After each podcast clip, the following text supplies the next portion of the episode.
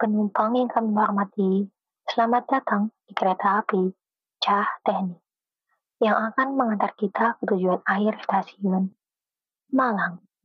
Jika Anda memerlukan bantuan atau informasi lainnya, Anda dapat menghubungi kru kami yang bertugas pada perjalanan kali ini.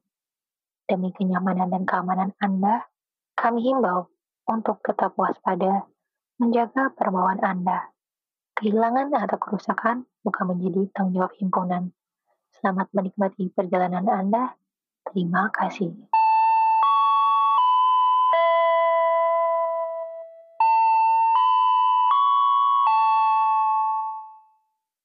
Hello, welcome to Locomotive, inspirational podcast to lift you up.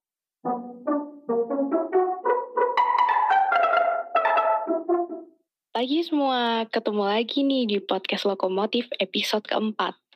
Nah, di episode kali ini pastinya akan berbeda dari episode sebelumnya. Yang episode sebelumnya dibawain Sabina Hermilia, kali ini dibawain sama Veronica Awalia. Biasa dipanggil Vero sih. Di podcast kali ini kita bahas topik tentang melihat kuliah online dari sudut pandang seorang dosen. Gak kalah seru nih dari episode sebelumnya. Podcast kali ini kita ditemenin oleh narasumber yang selalu menarik perhatian mahasiswi nih. Siapa lagi kalau bukan Pak Mahfud Yono. Nah, Pak, kenalkan tak sayang. Mungkin Pak Mahfud bisa perkenalan diri terlebih dahulu. Uh, Oke, okay. baik. Terima kasih Mbak Viro atas waktunya ya. Iya. Uh, jadi sudah kenal saya belum ya? Kalau mahasiswa PTE, TE, D3 dari jurusan Teknik Elektronik Informasi pastinya tahu ya, karena pasti ketemu dengan saya gitu ya. Jadi uh, saya Mahfud Ziono ya, saya alumni UM loh. Wah, iya. alumni tahun berapa nih Pak? Uh, saya angkatan 2010, lulus 2014. Tuh. Jadi Kalau, dari PTE ya. Oh iya. Nah, jadi Pak Mahfud ini alumni UM juga ya Pak, dari program studi pendidikan teknik elektro angkatan Benar. tahun 2010. Benar Mbak Vero. Lulusnya tahun 2014 ya Pak? 2014. Nah, untuk S2-nya Pak, kalau boleh tahu di mana? Hmm, S2 dulu di Jepang ya di uh, Waseda University. Wah. Uh, kenal kan yang lagi apa ya itu tuh yang Jerome itu ya, iya. satu kampus itu. Wah satu kampus nih Pak ya S2-nya sama Jerome Pauline itu Pak. Iya. Mungkin Bapaknya bisa cerita sedikit nih Pak, waktu pengalaman kuliah S1 atau kuliah S2-nya itu kayak gimana Pak? Hmm, kalau S1 sama S2 sih, kalau dari sistem pendidikan ya, yang ada yeah. di Indonesia sama di Jepang sih hampir sama. Jadi tidak uh, ada perbedaan, khususnya untuk level misalkan uh, kan ada under undergraduate sama graduate ya. Jadi yeah. kalau S1 sih tidak ada masalah, tidak ada tidak ada perbedaan yang signifikan dengan Indonesia. Jadi sama sistemnya adalah uh, kredit, uh, ambil berapa kredit satu semesternya, kemudian uh, dia tergantung dari uh, jurusan apa. Kalau mereka dari linguistik ya tentunya ada berbau-bau linguistik seperti itu. Cuman kalau kita biasanya dari engineering itu uh, biasanya mahasiswa itu akan uh, masuk lab gitu. Jadi walaupun dia di S1 gitu akan dibawa ke lab gitu. Nah, itu sih pengalaman saya. Tapi kalau S2 kita full di lab ya. Jadi S1 itu ambil course, uh, sama sih sebenarnya kayak di Indonesia kita ambil course dulu, uh, kemudian ketika kita pas dengan course itu, maka kita akan uh, istilahnya uh, booking lab, baru kita akan disetujui oleh profesor kita atau disetujui oleh uh, promotor kita untuk uh, mengerjakan tesis kita. Itu sih sebenarnya nggak beda jauh dengan Indonesia, cuman uh, apa ya sebenarnya kalau S1 di Indonesia itu wah, malah tingkatannya kayak S2 S2 di luar negeri gitu ya.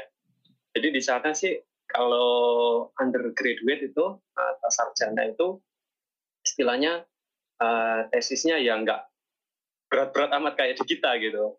Malah justru orang luar itu kalau lihat kita loh, ini ada tesis gitu. Makanya kan kalau kita di skripsi itu bahasa Inggrisnya apa? Tesis kan?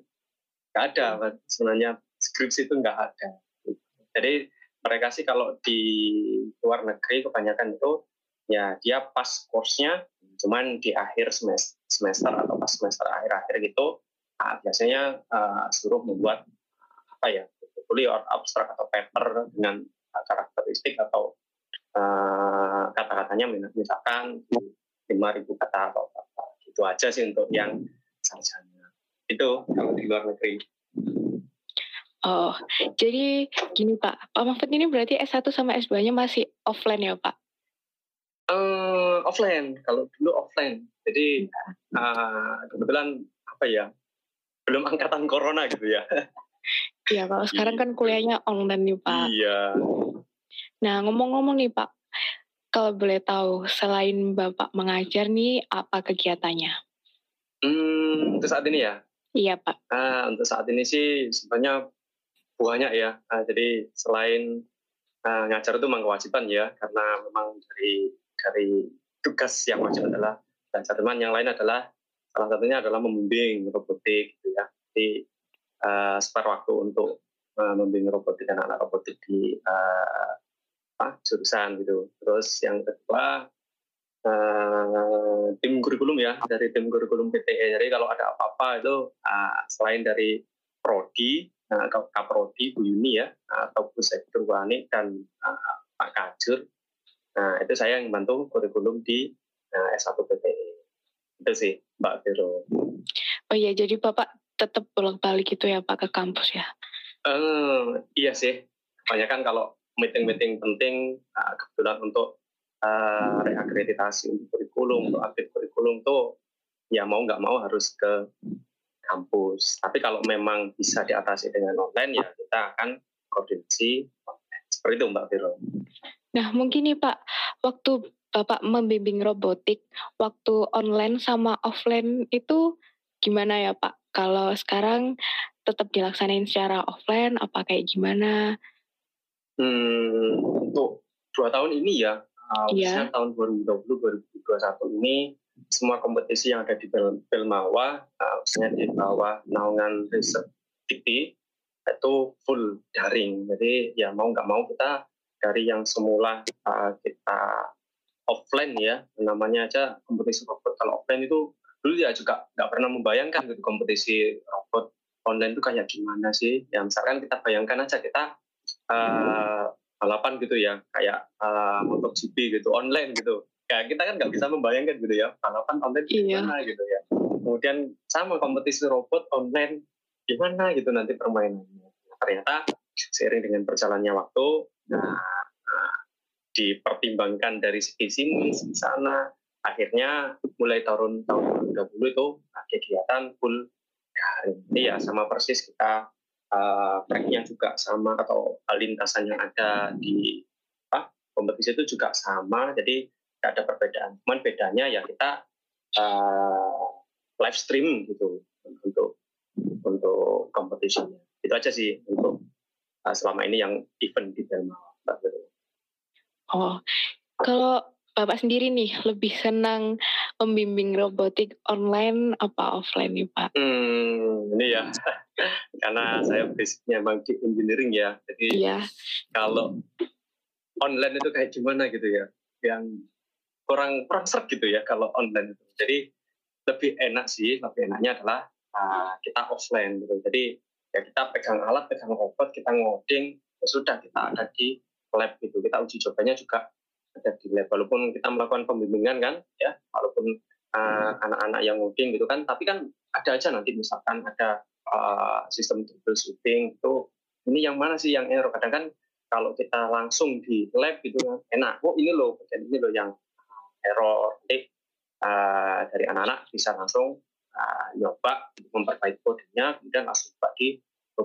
Jadi masalah bisa langsung terselesaikan. Tapi kalau saat ini sih uh, selama ini ketika daring ya anak-anak tetap laporan Pak ada masalah ini ini ini. Ya kita uh, mau nggak mau ya harus langsung gitu ya langsung meet saat ini juga. Gitu. Gimana sih karakteristik errornya dari robotnya seperti apa, kemudian codingnya yang di coding mana sih, uh, harus tahu gitu. Jadi ya kita mantaunya uh, beda jarak gitu lah jadi bedanya. Cuman ya lebih streknya sih offline gitu.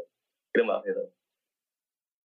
Oh iya, jadi en lebih enak offline ya Pak di apa-apain Bener, bener. Terus kalau sekarang online, kira-kira kendalanya itu apa ya Pak? Hmm, kalau online sekarang ya, uh, kalau dari segi misalkan pembimbingan nih ya, jadi ya. apa ya?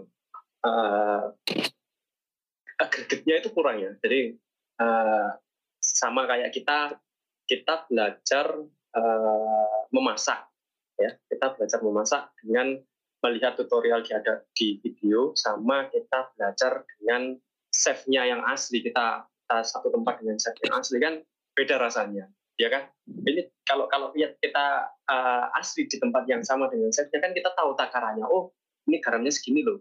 Oh ini gulanya segini loh. Oh ini bumbunya segini loh. Kurang sedikit atau kurang sedikit kan kita tahu.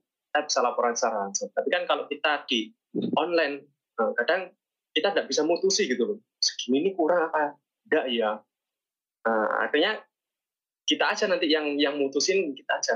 Oh segini aja cukup. Nah itu kan menurut kita bukan menurut uh, yang di profesional gitu kan. Seperti itu. Jadi ya sama persis kalau kita bayangkan uh, ketika kita mengerjakan robot atau kita kuliah uh, offline maupun online ya.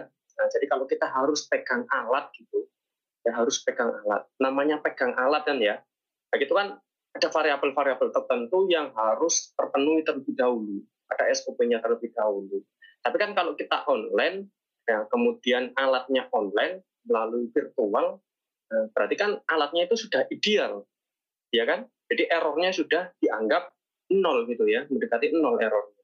Tapi kan ketika kita uh, apa pegang alat secara langsung, itu kan belum tentu karena kesalahan bisa bisa terjadi di alatnya ataupun ya, kesalahan yang ada di manusia. Itu yang uh, mungkin jadi uh, kesulitan kami ya, terutama kebanyakan dari dosen-dosen elektro yang uh, mengajar di uh, harus pegang alat itu mata kuliah yang harus ada alat itu, nah, itu kelemahan dari uh, sistem online.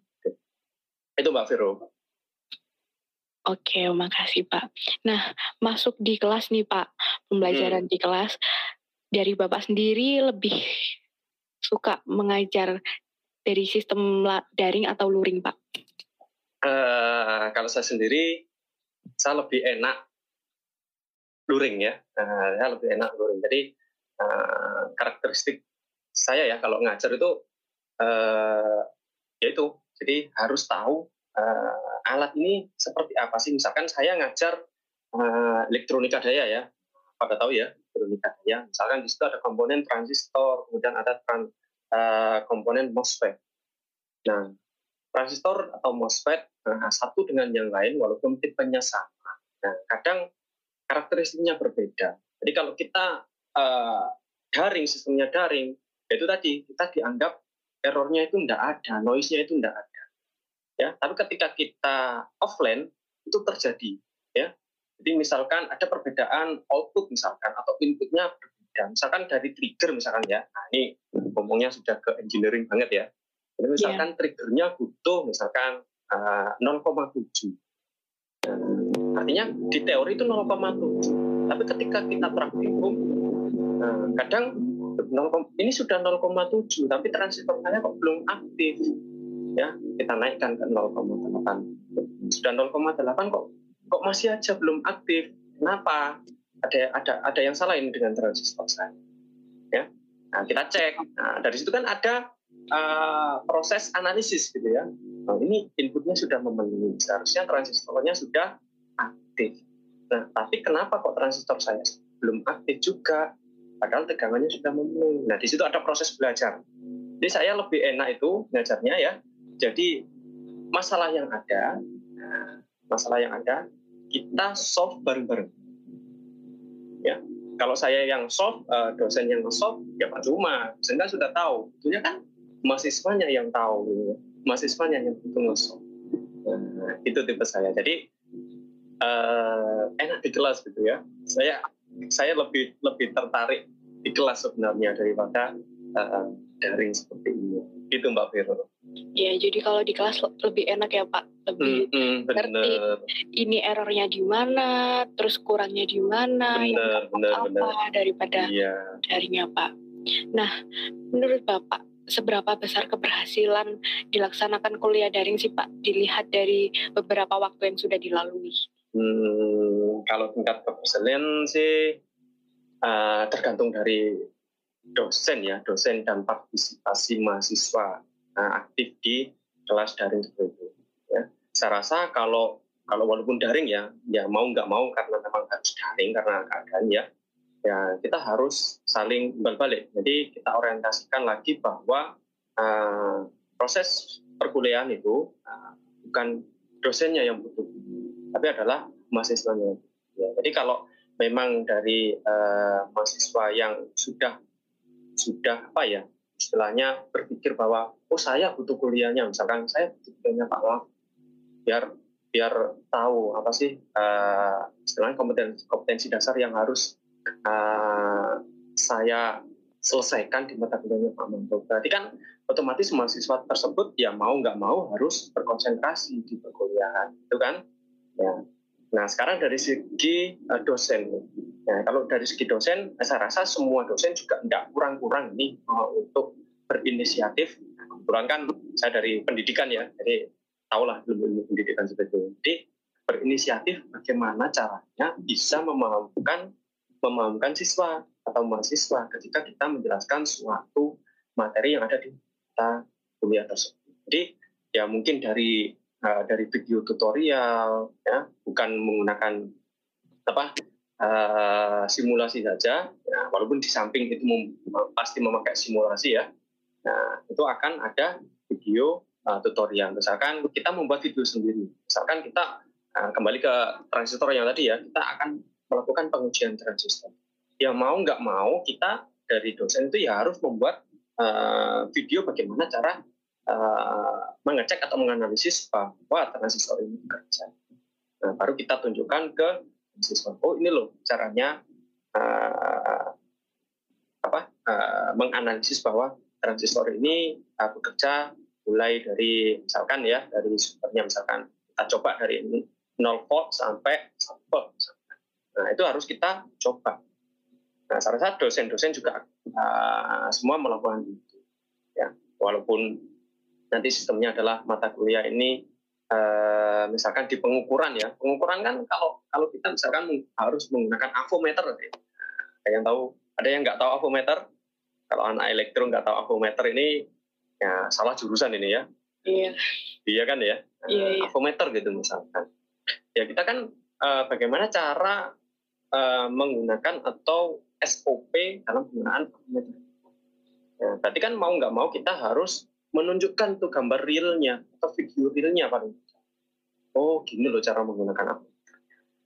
Ya paling tidak kalau satu dipegang ya uh, satu dipegang teorinya pasti untuk avometer avometer yang lain ya pasti bisa. Karena kan uh, avometer juga mereknya banyak ya. Tapi kalau satu dipegang bisa wong untuk yang lainnya. Itu uh, bisa diatasi penting SOP-nya jangan seperti itu sih Mbak Vero. Tapi untuk yang tingkat keberhasilannya itu kita harus kembalikan ke mahasiswa. Nah, kadang-kadang nah ini yang mungkin jadi masalah ya Mbak Vero ya. Iya. Jadi masalah uh, kami dari dari segi uh, pendidik istilahnya ya. Kita sudah menyiapkan materi sedemikian rupa, ya kan? Kita sudah uh, membuat uh, kelas daring itu supaya aktif, ya. Nah, kadang-kadang, nah, ini saya kembalikan, uh, Mbak Vero kan sebagai mahasiswa ya, Iya, Mas Sabina, Mas Akbar, itu juga nah, saya, saya tanyakan kembali. Kadang-kadang kita sudah membuat seperti itu. Kita sudah mengupayakan seperti itu agar nah, kompetensi dasar yang ada di mata kuliah itu tersampaikan seluruhnya dan sepenuhnya. Tapi dari mahasiswa, nih dari mahasiswa, kadang suruh eh, menyalakan kamera. Biasanya kalau saya sih ngeceknya mahasiswa itu aktif atau enggak, saya on kamera. Ya, tanya Mbak Sabina ini ya. Mbak Sabina ini biasanya uh, kalau mata kuliah saya pasti on kamera terlebih ya biar tahu kita ada interaksi kalau kalau saya cuma melihat layar saya aja gitu ya ya saya kan nggak tahu mahasiswa ini aktif atau enggak Tapi kalau di kelas kan tahu ya, walaupun oh ini tertidur di bagian belakangnya anak-anak pasti pasti kelihatan gitu ya. Tapi kalau uh, kalau online, nah, on kamera gitu, ini biasanya AFK ya. Nah, tahu kan ya AFK ya? Iya, Pak, ya. Nah, itu yang Pak. yang yang bikin masalah itu. Jadi uh, bukan karena materinya tidak tersampaikan, tapi karena kurangnya uh, inisiatif dari mahasiswa itu sendiri. Oh saya loh uh, apa sih gunanya uh, kuliah kuliahnya misalkan kuliahnya Pak Mam ini uh, datang absen uh, pulang gitu datang absen pulang. Kalau kalau daring kan sudah pulang ya jadi nggak ada. Datang absen tidur gitu ya. Yeah. itu jadi bikin masalah gitu. Kita sudah waduh berupaya uh, bahkan kalau materinya baru gitu ya materi baru uh, seminggu atau biasanya uh, maksimal ya sehari sebelumnya itu materi sudah ada. Kita sudah membuat materi sedemikian rupa.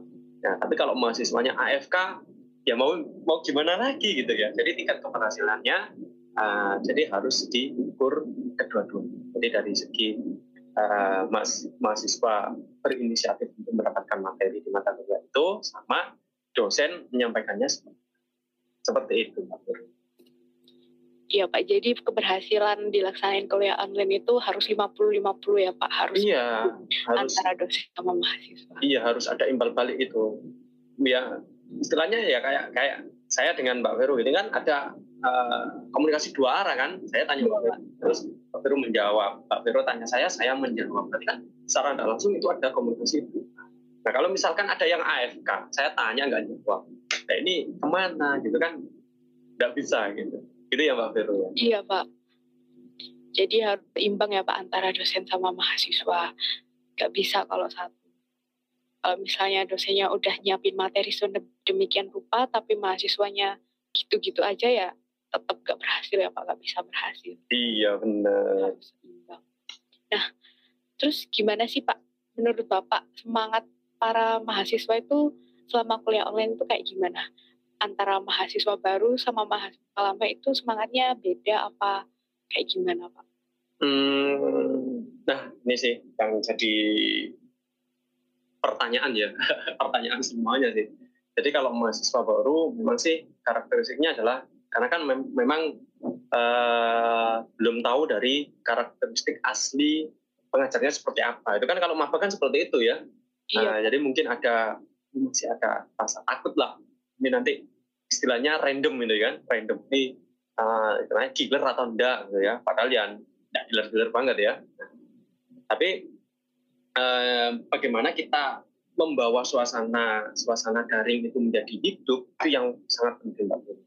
Jadi kalau uh, kalau walaupun mahasiswa baru maupun mahasiswa lama, yang penting kita bisa meng, mengsiasati bahwa uh, kuliah daring kita itu hidup, ada ada komunikasi dua arah, jadi uh, istilahnya student oriented ya, bukan uh, teacher oriented. Jadi kalau kita sudah student oriented, itu nanti ada apa ya? Biasanya kalau saya sih uh, ketika kita uh, menggunakan student oriented itu pasti nanti ada masukan-masukan dari mahasiswa lain. Itu yang bikin uh, kelas kita itu aktif, ya. Nah kalau saya biasanya kalau uh, kalau mengajar, nah itu pasti screen saya itu lebih dari dua ya. Nah, satu screen uh, untuk seperti ini ya, jadi untuk uh, partisipan, kemudian satu adalah untuk materi saya, kemudian satunya adalah biasanya ada kayak uh, whiteboard gitu yang saya gunakan untuk oret-oretan. Nah itu ya. Jadi uh, bagaimana kita membuat suasana itu menjadi hidup itu yang terpenting ketika di uh, daring seperti ini. Ya. Iya Pak. Jadi gimana cara ngehidupin bener, bener, tetap asik lah pas kuliah gitu ya Pak. Iya, gitu. Jadi kalau kalau hmm. bener bener bener. Jadi kalau cuman uh, teacher oriented aja uh, itu saya rasa sih tidak uh, ada gunanya. Berarti kan yang kuliah kan dosennya bukan mahasiswanya. Tapi kalau ketika ketika kita menjelaskan ada dua arah kayak yang tadi, Nah, misalkan kita menjelaskan rumus, ya, kita menjelaskan rumus, kemudian kita turunkan uh, tahu dari prosesnya itu seperti apa. Kita kembalikan ke mahasiswa. Nah, paham nggak? Walaupun uh, secara simpel aja kita uh, komunikasi dua arah adalah pertanyaan paham nggak? Gitu ya. Kalau nggak paham nggak paham bagaimana? Kita kita mencari mencari selang-selang seperti itu mbak Vero.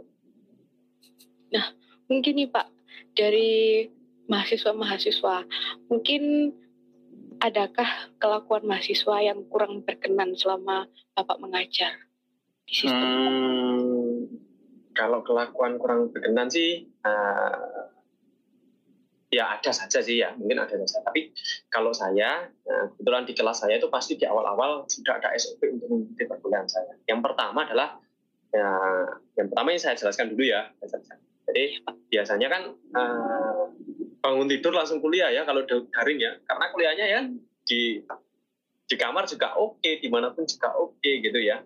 Iya. Ya, yang menjadi permasalahan adalah uh, ketika kita dihubungkan dengan permasalahan sinyal itu yang benar-benar sulit ya. Nah, kita kan nggak tahu juga ya uh, mahasiswa kita itu uh, dari mana aja kita kan juga nggak tahu ya itu. Jadi kalau uh, selama selama sinyal itu oke, okay, nah, kalau sekarang kan Tut Muri Handayani, nah, kemudian apa ya? Kalau kalau bahasa Jawa itu apa sih? Ingarsa Sungtulodo, Ing Madya Manguntarso, Nuri Handayani. Kalau sekarang kan ditambahi, ya kan? Wifi bagus, ya bagus hasilnya gitu ya. Nah, itu sih kalau kalau saya. Tapi kalau kalau uh, dari SOP yang biasanya saya jelaskan, oh jangan kausan lah kalau kalau kuliah uh, kuliah di mata kuliah saya. Minimal pakai kapal aja nggak apa-apa. Kemudian uh, hem atau pakai kemeja. Kan kalau kemejaan saja uh, kita tidak tahu kan celananya celana pendek atau apa kan tidak tahu ya. Yang penting pakai uh, atasannya aja oke, okay, oke okay, formal itu berarti kan uh, secara secara tidak langsung uh, ada niatan gitu ya. Yeah. Niatan bahwa saya ini kuliah. Kuliah kalau kalau cuman uh, misalkan ya pakai uh, kaos dalam aja langsung kuliah kan tidak etik gitu ya. Malah yeah, diketawain sama yang lain gitu. Jadi belum apa-apa sudah diketawain Nah, jadi kalau sudah ketawa di depan itu ke belakang ke belakangnya ya udah istilah isinya guyon aja gitu. Tapi kalau di kuliah saya biasanya ya ada guyonnya seperti itu mbak. Gitu. Eh, dari kejadian-kejadian itu paling umum sinyal ya pak ya? Bener ya. Jadi karena random ya kita juga tidak tahu mahasiswa kita ada yang dari mohon maaf ya dari uh, daerah 3T gitu ya iya. terpelosok, terdalam, terluar gitu ya, terlan yang lainnya kita kan juga nggak tahu. Nah itu yang menjadi masalah. Tapi kalau kalau ngajarnya biasanya kan saya saya rekam seperti ini ya, saya rekam seperti ini kemudian saya tempelkan di sejarah. Jadi kalau yang ada kendala dengan sinyal, mereka bisa uh, melihat kembali mata kuliah atau penjelasan saya di misalkan kompetensi, kompetensi dasar itu bisa mengulang. Tapi ketika kita di uh, hadapkan dengan ujian itu yang sangat besar. Ya, karena ya kita patokannya sinyal harus bagus. Itu Mbak Vero. Nah, selain sinyal nih Pak, kira-kira ada jadian apa yang paling umum selain sinyal? Hmm, AFK ya, nah, AFK yang tadi, jadi uh, orangnya masuk tapi tidak ada, itu yang sering. Ya, orangnya masuk tapi tidak ada. Ya, yang sering-sering sekali uh, mungkin bukan hanya saya saja yang uh, kadang bikin apa ya uh, uh, nada tinggi gitu ya. Kan biasanya kalau kalau saya ngajar ya seperti ini sih kayak oke okay lah kita uh, saya juga sambil seneng bion gitu ya. Ada bion bionnya gitu ya. Tapi kalau ada yang seperti itu uh, hampir banyak ya hampir 25% seperti itu ya kadang uh, kita akan jadi nada tinggi gitu ya. Nah, kan kalau ngajar pakai nada tinggi kan, aduh sudah bawaannya nggak enak gitu kan. Dia iya. mau ke materi itu nggak nggak bisa.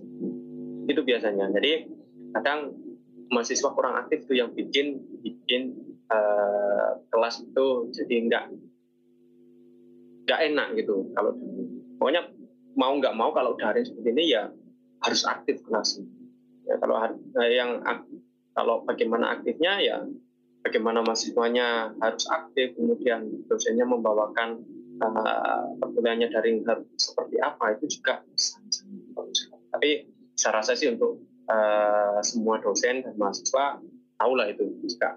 Kalian kan sudah besar ya bisa mikir seperti itu. Yang butuh kuliah itu siapa? Bukan masalah nilai. Kalau masalah nilai itu benar ya. Gampang. Nah biasanya nah ini ya menyangkut biasanya mahasiswa-mahasiswa semester akhir gitu ya nah kan mereka butuh ya lagi butuh misalkan untuk referensi referensi dari skripsi pas saya butuh misalkan materi ini saya dulu nggak tahu ini ini, ini. itu baru baru dia paham bahwa materi ini perlu mereka pahami gitu. Ya dulu ke mana-mana, ke mana aja pas waktu kuliah gitu. Saya kembalikan lagi biasanya kalau seperti. Sebenarnya banyak kakak-kakak tingkat kalian yang semester semester akhir itu uh, istilahnya tanya ke saya ya, kadang kadang ke rumah, kadang ke rumah gitu tanya untuk menjelaskan uh, materi yang ini ini banyak ya. Seperti itu Mbak Vero.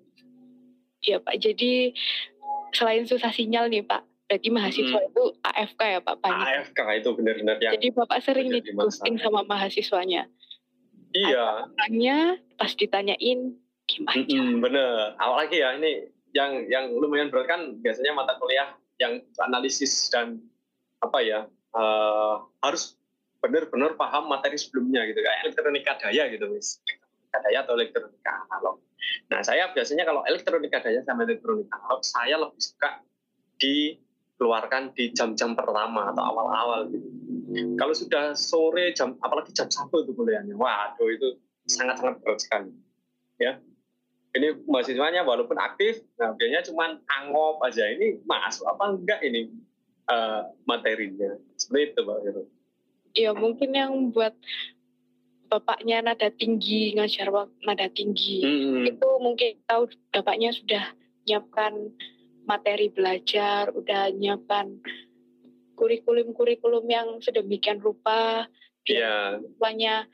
tetap fresh tetap mengikuti belajar dengan baik tapi mahasiswanya sendiri kayak gitu ya pak iya ya apa ya itu tergantung dari individu masing-masing ya kalau kalau saya rasa memang dia sadar bahwa yang butuh kuliah itu adalah uh, mahasiswa gitu ya. Saya artinya sebagai peserta didik misalkan, ya pastilah nanti aktif gitu ya. Tapi kalau ah ini biasanya mahasiswa cuman istilahnya kupu-kupu ya, kuliah pulang, kuliah pulang gitu ya, atau biasanya kuliah pulang terus gitu ya. gitu. Kalau sekarang kan daring kan kuliah pulang terus ya, kuliahnya di rumah di mana pun gitu ya. Ya itu yang bikin kadang bikin nada tinggi gitu ya. Mohon maaf ya nada tinggi. Ya kurang aktifnya dari mahasiswa di ketika kita tanya boleh balik kita tanya mas ini bagaimana ini untuk nge-solve yang seperti ini? Misalkan masalah seperti ini gak ada respon. Ya gak ada respon. Kemudian biasanya cuma satu dua orang biasanya ya PJ-nya yang aktif gitu ya. Kalau nggak PJ biasanya ya apa ya? Ketua gitu ya ketua kelasnya itu yang aktif. Karena pasti yang kena tutup sendiri mereka gitu. Gitu. Ya emang kalau kuliah itu mahasiswa juga harus sadar sih pak. Kita benar, benar. dosen bukan dosen yang butuh kita. Benar benar itu ya nah kualitas belajar mahasiswa itu apa menurun pak waktu dilaksanain kuliah dari uh, kalau kita kualitas ya, uh, kita bicara kualitas, kita harus tahu variabel yang diukur terlebih dahulu apa. Ya. Kalau kita menyampaikan istilahnya uh, kayak kayak perkuliahan di luar negeri gitu ya, kalau perkuliahan di luar negeri kan uh, kita istilahnya kita menjelaskan sesuai dengan jadwal kompetensi dasar itu dikeluarkan kapan gitu ya. Kalau jadwalnya misalkan di pertemuan 6 harus menjelaskan ini selesai, sudah selesai tapi kan kita tidak seperti itu ya. Nah, kebetulan kita kan uh, kalau kalau kita mana sih yang yang menjadi kesulitan kalian itu apa gitu ya. Uh, kita harus tahu terlebih dahulu gitu ya. Jadi tergantung uh, apa ya? Bingung saya kalau kalau ditanyain. Kalau menurunkannya sih, memang sih dari dari segi kalau uh, artinya segi kognitif ya, segi kognitif. Jadi mereka harus uh, harus berperan berperan misalkan uh, harus megang alat harus ngoding harus apa itu memang kurang ya kurang khususnya uh, saya yang sangat-sangat kasihan itu adalah anak D3 ya, nah yang vokasi. Karena karena kan dari awal mereka uh, sudah digadang-gadang bahwa one tools one man gitu ya. Jadi satu alat satu mahasiswa gitu. Tapi kalau selama kita daring uh, kita bingung gitu ya. Kita bingung dari dari dari dosen pun bingung. Ini porsinya mahasiswa untuk yang D3 ini mau diapain gitu ya. Uh, kalau yang murni juga sama, yang murni juga sama kasusnya. Jadi ini harus diapain gitu ya. Jadi kita harus cerdik-cerdik. Nah, kita harus cerdik bagaimana ngakali, bukan ngakali ya, bagaimana berinisiatif bahwa mahasiswa itu harus paham tentang konsep ini gitu ya. Karena kalau nggak paham ini, kelanjutan-kelanjutannya juga pasti nggak akan paham gitu. Jadi keterampilannya yang bukan bukan masalah pengetahuannya atau apa kalau pengetahuannya kan gampang. Sekarang kan uh, referensi di mana pun diakses kan bisa gitu ya. Karena sudah open source semua ya Eh, kita ketik apa di Google, ya kita sudah tahu jawabannya. Kita ketik apa di YouTube, kita sudah tahu jawabannya menggunakan Google, gitu ya. Tapi kalau di, dari segi uh, keaktifan gitu ya, jadi mahasiswa harus melakukan apa? Saya rasa itu yang menurun. Jadi keterampilannya ini. Ya. Misalkan kalau kita, uh, saya tanya dulu, Mbak Vero ini dari jurusan apa? Elektro? Informatika? Teknik informatika. Nah, kalau informatika, tidak uh, ada sih uh, kurang ya keterampilan untuk menyolder gitu ya. Iya. Belum kan ya? Tapi kalau dari elektro, menyolder. Menyolder itu juga harus ada tekniknya. Ya. Jadi uh, tekniknya itu ya karena sudah kebiasaan nyolder, maka dia akan uh, belajar dari proses uh, setiap mereka melakukan penelitian. Itu tekniknya sebenarnya. Kita bandingkan untuk sekarang. Ya, nah, kita nyolder aja anak yang sekarang misalkan angkatan angkatan mulai 2021 ya eh 2020 ya nyolder yeah. itu kalau kalau uh, bukan dari anak SMK uh, eh, itu sudah tahu lah saudaranya kayak apa ya. Kalau biasanya saya nyebut ya mohon maaf ya ini saudaranya kok kayak popcorn semua gitu ya popcorn semua ini. Uh, jadi istilahnya saudaranya nggak uh, bagus gitu ya nggak bagus nggak tempel kurang mateng uh, timahnya gitu. Uh, kayak kayak seperti itu kan butuh uh, kreativitas mahasiswa atau kemampuan mahasiswa untuk melakukan sesuatu. Iya kan, Mbak Vero ya? Iya, Pak. Nah, jadi saya rasa itu yang kurang dari eh, anak-anak uh, yang mohon maaf ya angkatan corona itu itu. Ya. Kemudian kalau misalkan Mbak Vero ada algoritma pemrograman gitu kan. Nah, yeah. Kalau anak informatika pasti paham lah gitu ya. Jadi misalkan kita kita uh, mendapatkan rumus dari matematika, kalau matematika kita pakai, gampang aja trigonometri misalkan volumetri, berarti di situ ada variabel misalkan sin cos tangan gitu ya. Nah, paling tidak kan tiga itu yang harus kita kuasai ya, sin cos tangan. Kemudian variabelnya yang yang ditunjukkan itu apa? Misalkan dari sudut. Ya. Nah, kebanyakan kan kalau kita konversi nah, itu kan sudut ya. Nah, ya. nah untuk, untuk algoritma ya kita kan kalau kita terapkan di uh, ilmu elektroelektronika misalkan ke, ke robot, ya gimana dari sudut ini kita ubah ke dalam bentuk koordinat oh ini pasti pusingnya bukan bukan main gitu untuk anak-anak yang uh, mohon maaf untuk angkatan uh, corona ini. Makanya dari situ kita harus apa ya kita harus menjelentrehkan. Menjelentrehkan itu biasanya kalau kita di kelas itu dalam satu pertemuan misalkan uh, 3 SKS 4 JS gitu ya. Nah, dari dalam satu hari itu sudah selesai untuk pertemuan untuk menjelaskan itu. Nah, tapi untuk ketika daring ini butuh biasanya dua kali pertemuan untuk menjelaskan itu jadi algoritma saja memahami variabel apa. Nah, jadi keterampilan yang seperti itu yang uh, mohon maaf ya agak turun dari mahasiswa-mahasiswa uh, yang uh, daring terus. Ya terutama uh, biasanya kan di, di kita kan juga tidak semua input mahasiswa kita itulah dari SMK gitu kan ya.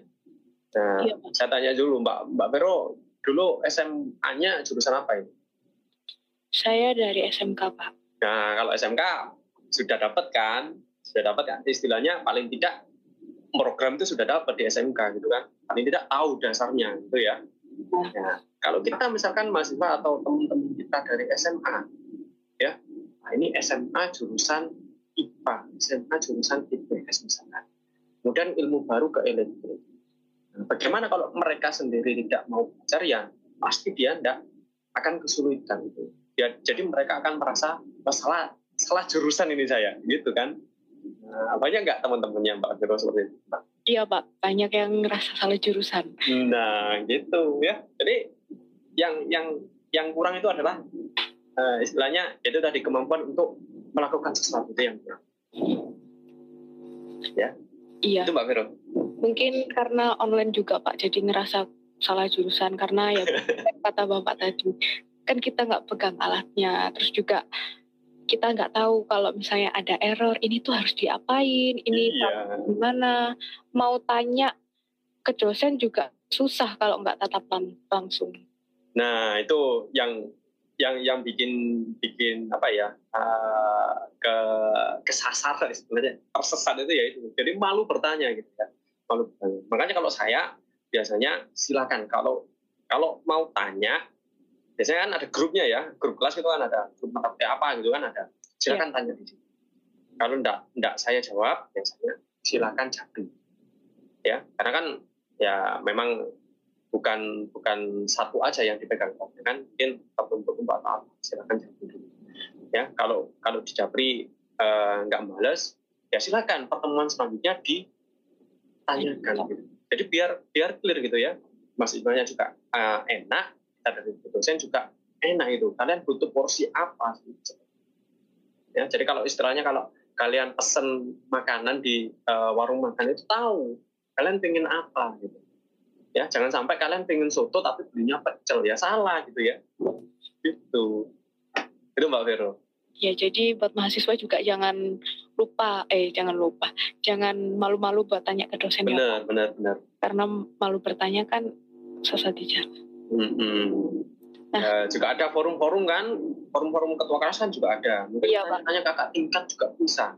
Apalagi kalau kalian dari HMJ gitu ya atau yang bukan kupu-kupu, bukan uh, mahasiswa yang kuliah pulang kuliah pulang, kan kalian uh, menghimpun di salah satu uh, ormawa gitu, itu justru enak gitu ya. Uh, saya rasa bukan bukan beban sih untuk mengikuti organisasi itu kan tapi malah kita akan melebarkan sayap untuk mencari apa ya istilahnya uh, hubungan dengan orang lain gitu ya. Orang lain misalkan kakak kakak tingkat tingkat ya, mohon maaf ya bisa dimanfaatkan tapi dimanfaatkan dalam tanda kutip. Misalkan kita tanya mereka kan pasti sudah uh, mendapatkan mata kuliah tersebut. Jadi kita tinggal oh belajar dari pengalaman itu manfaat itu mbak Vero iya pak nah terus tips ala Pak Mahfud mengajar hmm. kondisi daring kira-kira apa Pak tips mengajar ala Pak Mahfud hmm, kalau tipsnya sih uh, ini juga sering ya saya keluarkan di kelas-kelas saya ya. jadi kalian belajar itu kalau daring ya, kalian belajar itu harus tahu dulu apa yang mau dibelajar. Ya. Jadi yang yang yang apa istilahnya yang buat referensi, kalian cari dulu informasi tentang referensi yang apa yang mau kita pelajari di misalkan di mata kuliahnya apa itu apa. Belajar dulu. Toh sekarang misalkan kalau kita gabung di Instagram, ya kan kita Instagraman sosial media di Instagram lo juga yang dilihat jangan cuma reelsnya aja ya atau apa gitu ya tapi uh, dari segi itu uh, kita belajar tentang uh, yang berkaitan dengan jurusan kita misalkan elektro atau pemrograman banyak akun-akun seperti itu yang sangat-sangat uh, informatif gitu jadi kita kita belajar dari situ kita harus menyiapkan uh, apa dulu sih yang yang kita pelajari gitu itu Mbak Vero. Jadi belajar belajar dulu ya di di, di rumah sambil kalian Instagraman.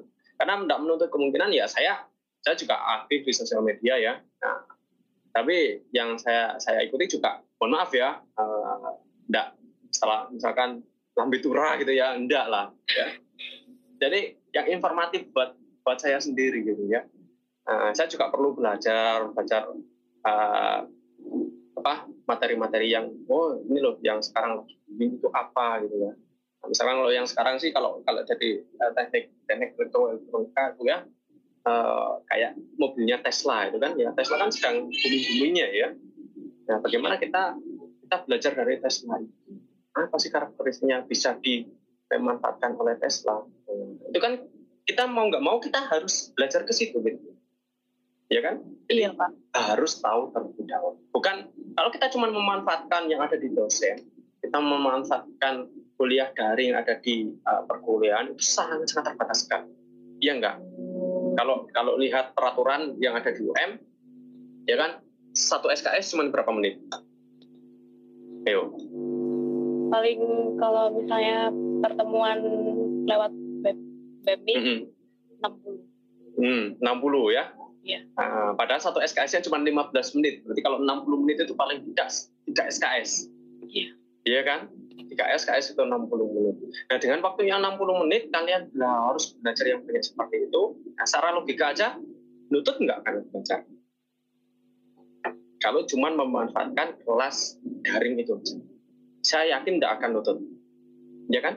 Iya, nutut. Makanya dari sela-sela itu karena kalian kalian dibatasi oleh waktu di perkuliahan, ya kalian harus tahu uh, bagaimana mencari informasi yang merujuk ke situ tapi di, di lain waktu ya caranya gimana? Ya sembari kalian Instagraman kan? Ya mungkin kan kalau kalian jenuh oke okay lah lihat Instagram kan? Untuk refreshing ya lihat uh, apa yang kalian kalian sukai apalah misalkan yang suka motor ya biasanya lihat uh, Sumori gitu ya. Kalau yang suka fotografer ya biasanya lihat hasil-hasil seperti pertama aja. Nggak apa tapi sembari itu kalian uh, cari akun-akun yang informatif terhadap jurusan kalian. Banyak, beneran. Kalian pengen belajar uh, apa, Python atau Python, banyak akun. Ya, GitHub itu sudah uh, seluruh dunia ya, nah, bisa kalian akses. Jadi pekerjaan orang yang open source bisa kalian akses. Ya, bisa kalian jadikan skripsi asalkan variabel-variabelnya kalian ubah-ubah boleh. Nah, yang itu cara mengatasi biar enggak. Nah, baru itu Mbak Vero. Oke Pak, mungkin pesan terakhir terakhir nih hmm. pesan buat para mahasiswa terkait pembelajaran ke depan kira-kira apa dari Bapak? Hmm, untuk pesannya ya itu tadi ya kembali ke uh, di awal tadi. Jadi bagaimana kelas itu uh, di kelas daring itu aktif atau interaktif buat kalian nyaman buat kalian itu berarti harus ada komunikasi dua arah antara dosen dan mahasiswa. Nah, untuk mahasiswa sendiri bagaimana? Ya bagaimana cara kita yang pertama kita harus menyiapkan materi terlebih dulu, kita harus belajar terlebih dahulu apa ya sih menu yang akan kita pesan di kelasnya Pak Mahfud itu apa sih?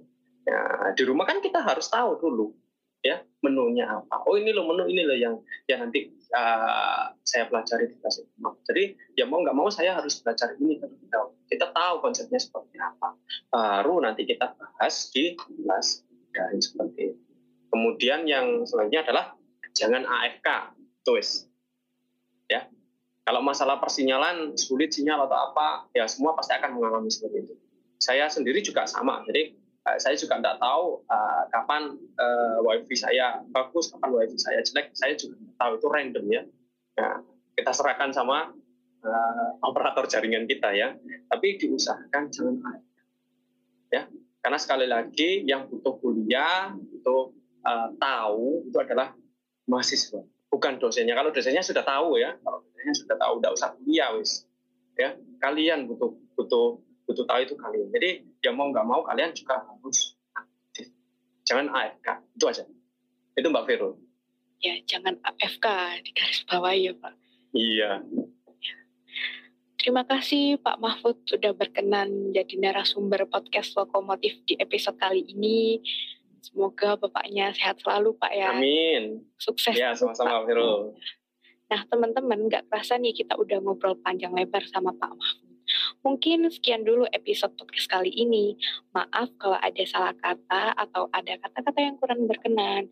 Nantikan podcast lokomotif selanjutnya ya. Terima kasih.